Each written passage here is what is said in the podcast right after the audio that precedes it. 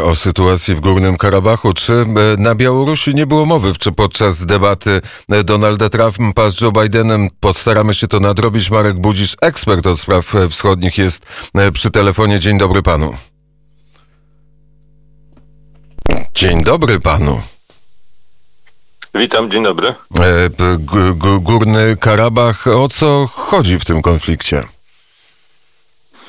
O, to trudno w jednym zdaniu, czy w kilku nawet e, streścić. To jest zadawniony spór, e, który datuje się jeszcze pod, zaczął się z końcem lat funkcjonowania Rosji Sowieckiej. Ormianie zamieszkujący Górski Karabach, a jak oni mówią Arcach, chcieli przyłączenia do E, do Armenii, a formalnie była, był to rejon e, należący do, do Azerbejdżanu. E, I zbudowali tam de facto nieuznawane nik przez nikogo na świecie państwo, które w toku rozmaitych wojen i potyczek, które miały miejsce w ostatnich, w ostatnich 30 już latach, stworzyło pewnego rodzaju strefę buforową. Oni po prostu zajęli część e, granicznych obszarów, e, e, też należących do Azerbejdżanu. I dzisiaj walki zbrojne toczą się na tych granicznych obszarach. Nie jeszcze nie eskalowały do, mm, do tego poziomu, żeby można było mówić w sposób bezstronny o tym, że Armenia została zaatakowana. To ma ważne znaczenie polityczne przede wszystkim. E, ani też nie można powiedzieć, żeby walki toczyły się na, na terenie y, Karabachu. Na razie walki toczą się o strategiczne wzgórza, które pozwalają kontrolować y, szlaki komunikacyjne y, na tych obszarach buforowych zajętych przez, przez Ormian. A czy z punktu widzenia geopolitycznego ten teren ma e, jakieś znaczenie? Z punktu widzenia geostrategicznego ten teren ma istotne znaczenie, bo mm, przynajmniej z kilku powodów. No, po pierwsze, trzeba pamiętać, że Armenia jest mm, w przeciwieństwie do Azerbejdżanu mm, państwem, które jest y, blisko związane, związane z Rosją, jest członkiem e, tej organizacji rosyjskiej y, o kolektywnej obronie ODKB.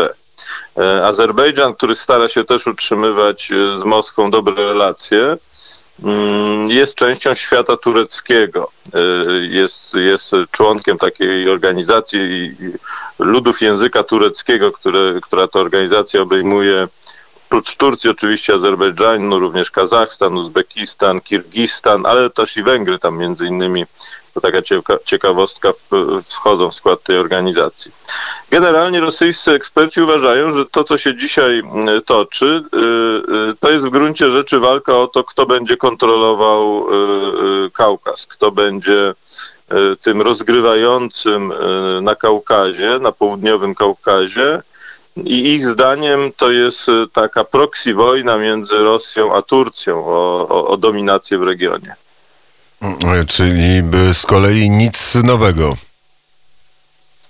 Nic nowego, no nowym jest to, nowym jest skala tego konfliktu, bo mm, to nie są takie, mm, nazwijmy to graniczne potyczki, jak miały miejsce w lipcu tego roku, to już mamy do czynienia z użyciem potwierdzonym przez, mm, przez Azerów ciężkiej artylerii 200 mm i systemów rakietowych które mogą atakować na, e, na większą e, e, odległość.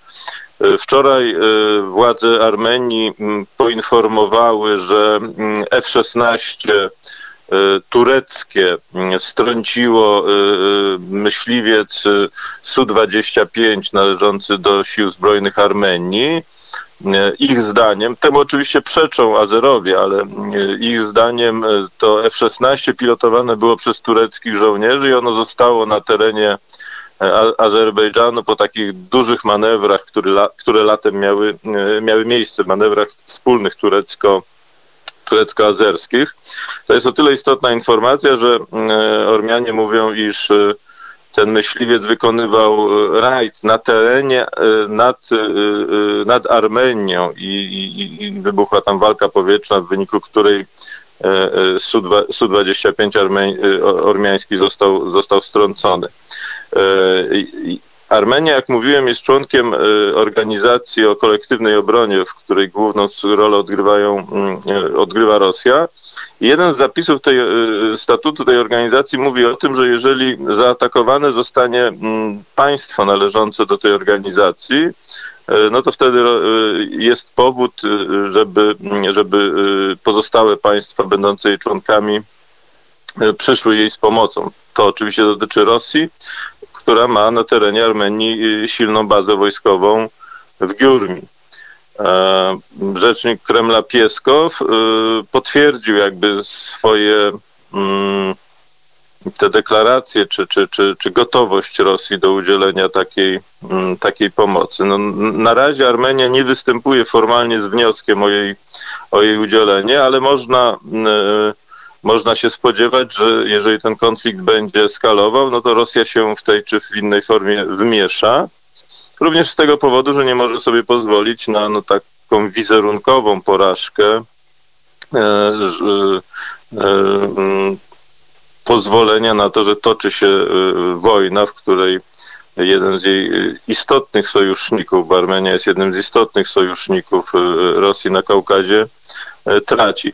Tam są oczywiście jeszcze elementy mm, mm, walki pewnej wewnętrznej, no na przykład są informacje w ramach też tej, tego szumu informacyjnego czy wojny informacyjnej, że po stronie e, Azerbejdżanu po pierwsze walczą najemnicy mm, z Idlibu, E, czyli z tych protureckich formacji syryjskich, ale po drugie pojawiły się też informacje, że są tam bojownicy z Czeczenii, e, muzułmanie, jak wiadomo, którzy, którzy walczą po stronie też muzułmańskich e, Azerów przeciwko chrześcijanom, Ormianom.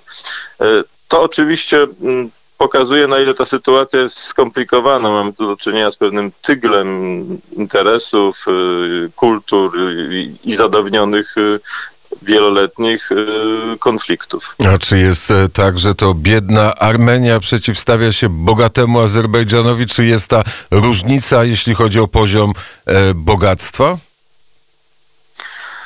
No z pewnością e, Azerbejdżan jest państwem, które dysponuje większymi siłami zbrojnymi, mm, demograficznie jest, jest, jest silniejszym. Ma też wsparcie Turcji, zarówno wojskowe, jak i, jak i dyplomatyczne. E, Mevlet Czuvaszoglu, turecki minister spraw e, zagranicznych, dwa dni temu powiedział, że Turcja będzie wspierała mm, Azerbejdżan zarówno dyplomatycznie, jak i na polu boju, jeśli będzie taka potrzeba. Też trzeba pamiętać, że E, Turcja jest państwem graniczącym e, z Armenią. E, ale ta relacja sił, ona w pewnym sensie traci na znaczeniu ze względu na ukształtowanie terenu. Górski Karabach to, jak sama nazwa wskazuje, to są tereny górzyste i wojska armeńskie, które tam się bronią, no mają znacznie lepszą pozycję obronną niż atakujące je z terenów równinnych wojska, mm, wojska, wojska azerskie. Y, wcześniej te konflikty, które co jakiś czas ożywały, na przykład była taka eskalacja konfliktu w 2016 roku, one nie przyniosły mm, Arme y, Azerbejdżanowi sukcesu właśnie z tego powodu, że oni nie byli w stanie przełamać w tych trudnych warunkach terenowych oporu Ormian. Mm, ale teraz tam nowy czynnik się pojawił, a mianowicie tureckie drony bojowe, e, które z powodzeniem Turcy stosowali, jak wiadomo, w Libii. One zostały zakupione przez Azerbejdżan. E, operatorzy tych dronów zostali e, przez Turków przeszkoleni, chociaż Ormianie twierdzą, że ci, tymi operatorami są tureccy wojskowi. I te drony rzeczywiście, to można się zorientować z wielu filmów, które są publikowane, rzeczywiście niszczą czołgi, kolumny ciężarówek y, Armenii. To jest pewien nowy czynnik y, na polu boju, który może, mm, może zmienić sytuację.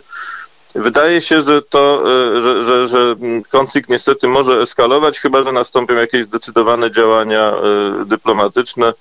Ormianie wczoraj powiedzieli, że są gotowi użyć systemów rakietowych Iskander, które oni otrzymali od Rosji i zaatakować nawet, jeśli będzie taka potrzeba, e, pola naftowe e, w Azerbejdżanie. W związku z tym, gdyby to e, nastąpiło, to mielibyśmy już pełnowymiarową wojnę na południowym Kaukazie.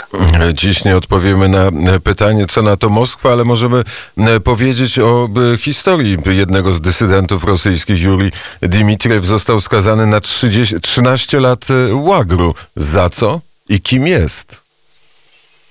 No to jest skandaliczny, e, skandaliczny wyrok.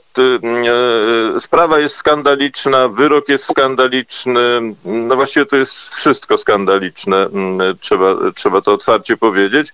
On został skazany na, pierwotnie na 3,5, 3,5 roku e, kolonii karnej za, jak się wydaje, wiele na to wskazuje, spreparowaną sprawę rzekomego no, rzekomej przemocy y, y, o podtekście seksualnym przeciwko niepełnoletniej. Mm, teraz ten wyrok został mu zamieniony na 13 lat więzienia, 13 lat kolonii karnej, y, co oznacza w gruncie rzeczy dożywotni wyrok więzienia, bo Dimitriew jest już człowiekiem o zaawansowanym wiekiem. A to jest dysydent, jeden z twórców y, Karelskiego, bo, bo on mieszka na północy Rosji, memoriału, y, który y, przez ostatnie 30 lat no, odkrywał bezmiar zbrodni stalinowskich w, i tym się naraził lokalnym elitom, no, które mają korzenie rodzinne przede wszystkim, ale przecież nie tylko, bo, bo, bo te zaangażowania służbowe, one jakby są dziedziczone z ojca na syna, mają korzenie mm, NKWD-owskie. W związku z tym no, to jest taki rodzaj zemsty. A przy tym pokazanie też i wszystkim innym, że właściwie mogą rosy, rosyjskie tak zwane sądy zrobić z opozycją wszystko, co tylko, co tylko chcą. To, to jest zresztą pokazywane właściwie każdego dnia, bo proszę zwrócić uwagę, że w, w dzień, kiedy Aleksiej Nawalny mm, wyszedł ze szpitala Charité i ogłosił, że mm, gotów jest wrócić do Rosji, jego mieszkanie i majątek, konta bankowe zostały zajęte przez komorników sądowych i bo on oczywiście miał szereg procesów i ma nadal procesów przez rzekomo obrażonych czy niesłusznie oskarżonych przez niego o korupcję urzędników. E, I to też zrobiono w, w, majestacie, w majestacie prawa po to, żeby mu pokazać, że w gruncie rzeczy nie ma do czego wracać. O czym w poranku w to powiedział Marek Budzisz. Bardzo serdecznie dziękuję za rozmowę. Dziękuję bardzo. Na zegarku godzina 8.47.